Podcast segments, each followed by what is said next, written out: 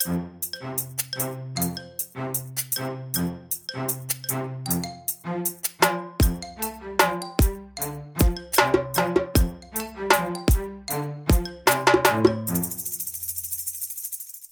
välkomna tillbaka till Stacken tillsammans med mig, Daniel Gustafsson och Kim Hindart. Hubba. Idag tänkte vi skulle fortsätta prata om den SOU-utredningen som kom här för någon, förra veckan var det. Vi hade en diskussion om avsnitt 1 och pratade vi om eh, vad vi tyckte var tvivelaktigheter i, i eh, utredningens beskrivning av vad som var en överföring till tredje land. Idag tänkte vi ta upp en annan del av den utredning som handlar om OSL, alltså offentlighet och sekretesslagen.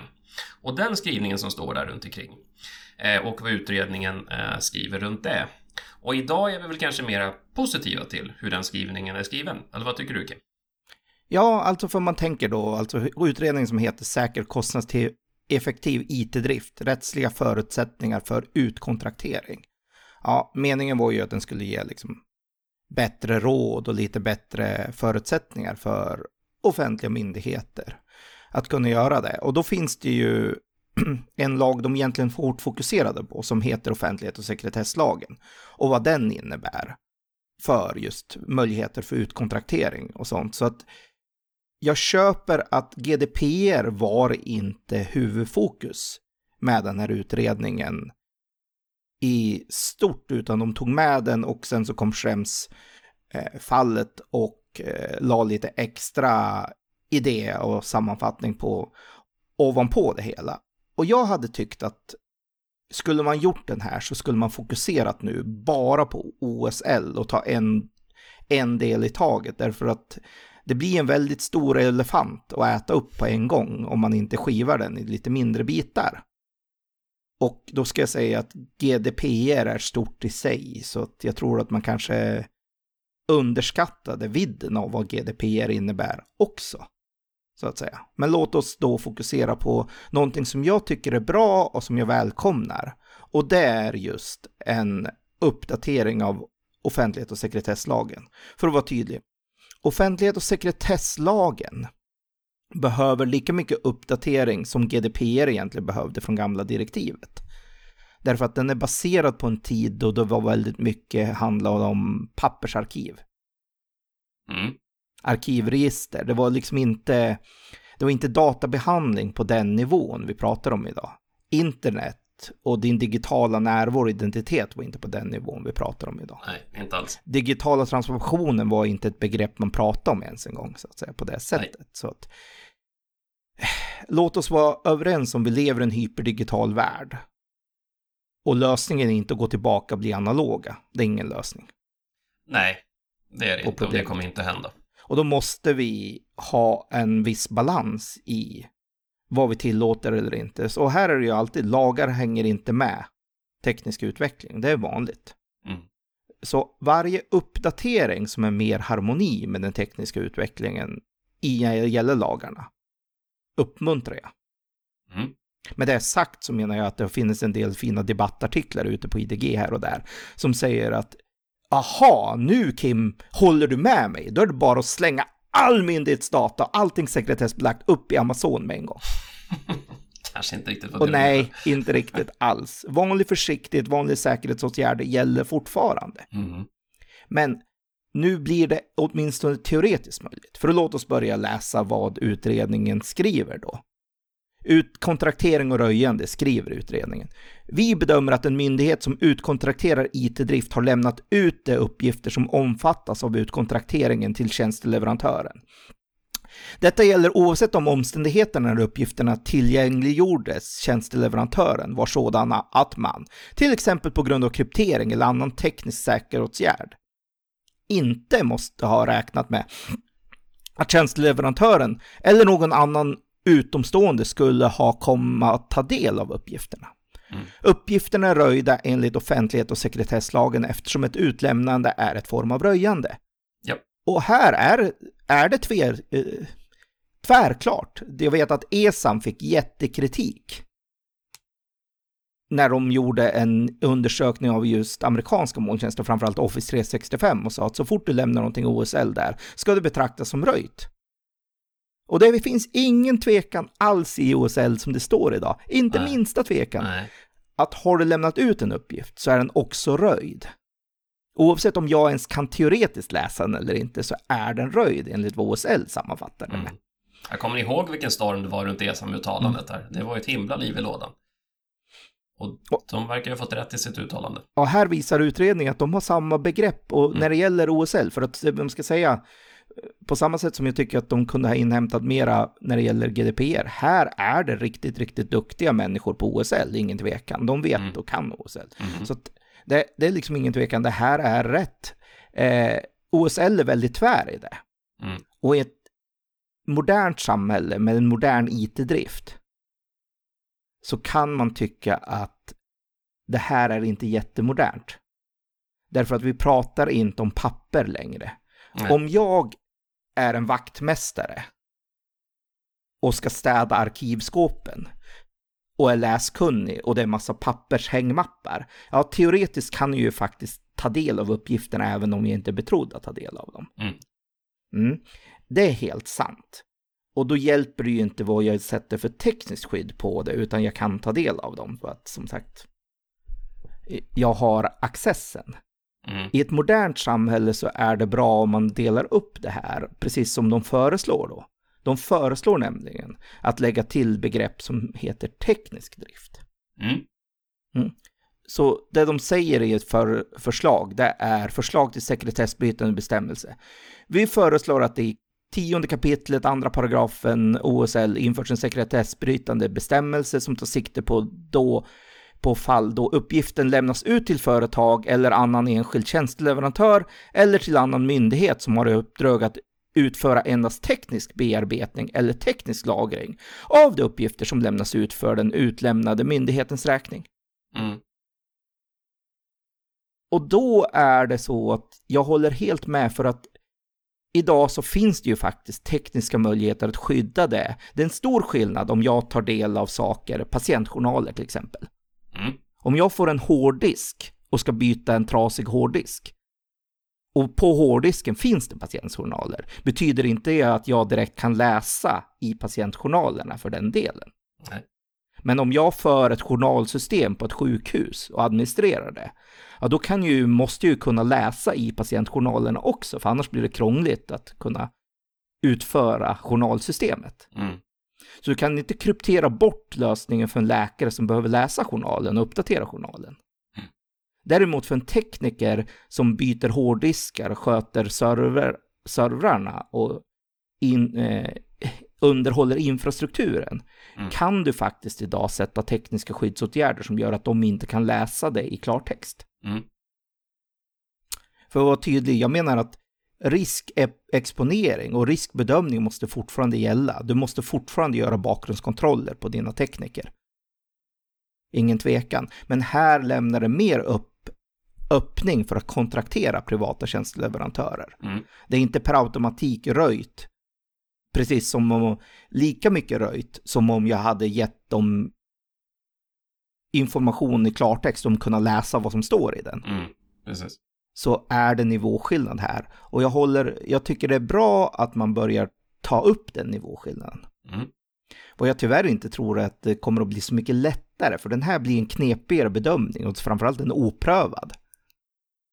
Som För det, bedömning. ja, för det är väl där vi står just nu, är det inte så? Mm. Ja, det finns Mm. ingen vettig vad är då lämplig säkerhetsåtgärd och jag tror att det myndigheterna frågade efter var kanske gärna lite mer ge oss en checklista, vad är okej, 1, 2, Mm. 3. Mm.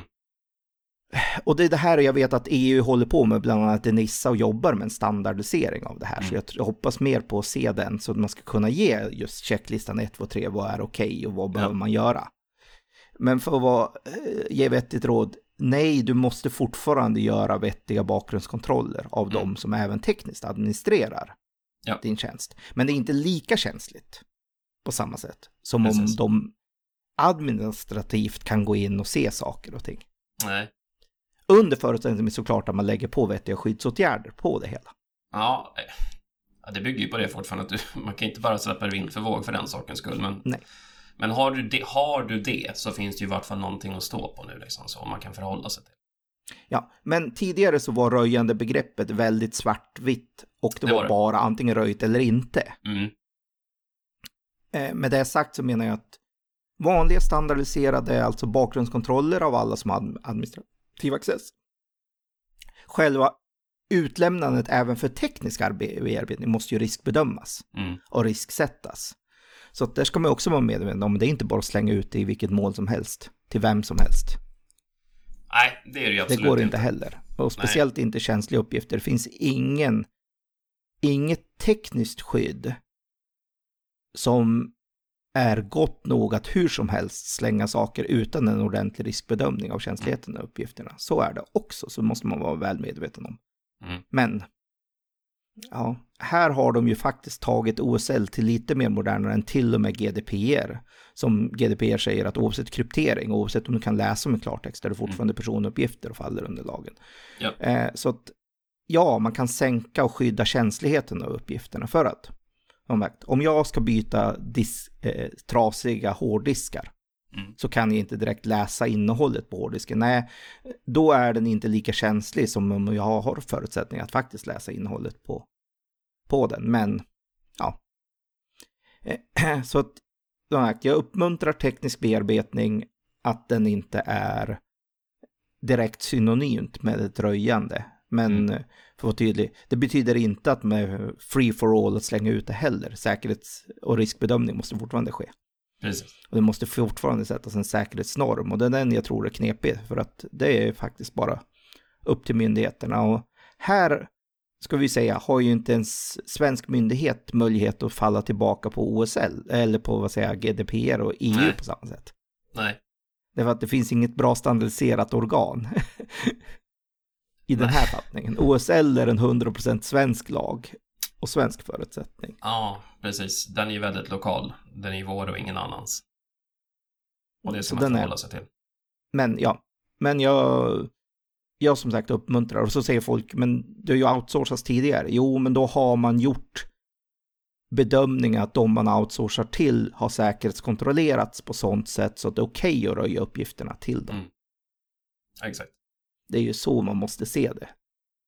Är det liksom, därför att det är ju det, så man, man kan bara utlämna uppgifter till dem som det är okej att göra det till. Mm. Och det har varit väldigt lim limiterat. Nu finns det en möjlighet att göra en form av utlämnande som inte är direkt synonymt med just röjande begreppet. Och det tror jag är bra. Det tror jag är hälsosamt att ha. Mm. Men ja, men därifrån är det lång stund till så att nu kan vi slänga allting och köra allting i Google, Ja, i det- Gmail. Det är inte bara gasa liksom, ännu. Så- Dit, dit har vi inte kommit än. För att vara tydlig. Men jag säger, alla framsteg som gör att man är mer i harmoni Mm. med den digitala verkligheten vi övriga lever i, är en bra framsteg. Mm. Ja, jag håller med. Mm.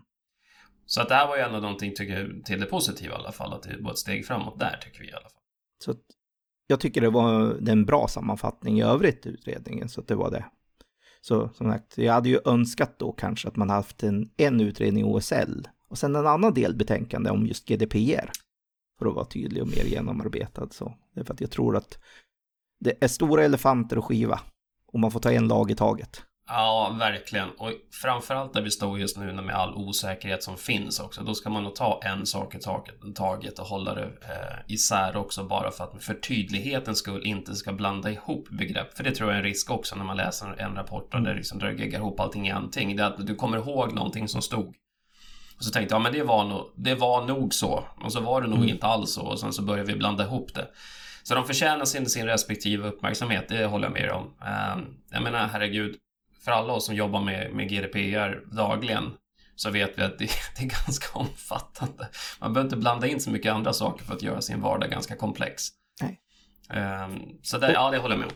Ja, förstå mig rätt, jag tycker inte att man ska nu springa och göra tre separata parallella risk och säkerhetsbedömningar. Och ha tre separata parallella organisationer, en för GDPR-säkerhet, en för OSL-säkerhet. Absolut inte. Eh, utan man kan jobba parallellt och i, i sammanverkan så att du kan göra en strukturerad process för säkerhets och riskbedömning i hela din organisation som fyller både GDPR och OSL. Mm. Men man måste vara beredd på att det finns olika förutsättningar och olika krav och olika saker du måste ta i beaktande från de olika regelverken. Så man får liksom inte... ja, man... och, och, men, och där kan jag väl också känna att det där ligger lite på, på alla alla kunder och alla oss som ska använda eller förhålla oss till de här kunder. Företag, myndigheter, statliga verk som ska försöka förhålla sig till de här verken och de här lagarna och reglerna. Vi lite väl mycket står och ropar efter en kofta för alla väder. Mm. Och det tror jag också är ett problem. Att vi måste nog acceptera att nej, vi behöver nog byta kofta beroende på vilket väder det är. Och det är mm. samma sak här. Det är olika förutsättningar för olika lagar, olika, olika förhållanden. Och vi måste vara så pass öppna att vi kan anpassa oss i vårt beteende.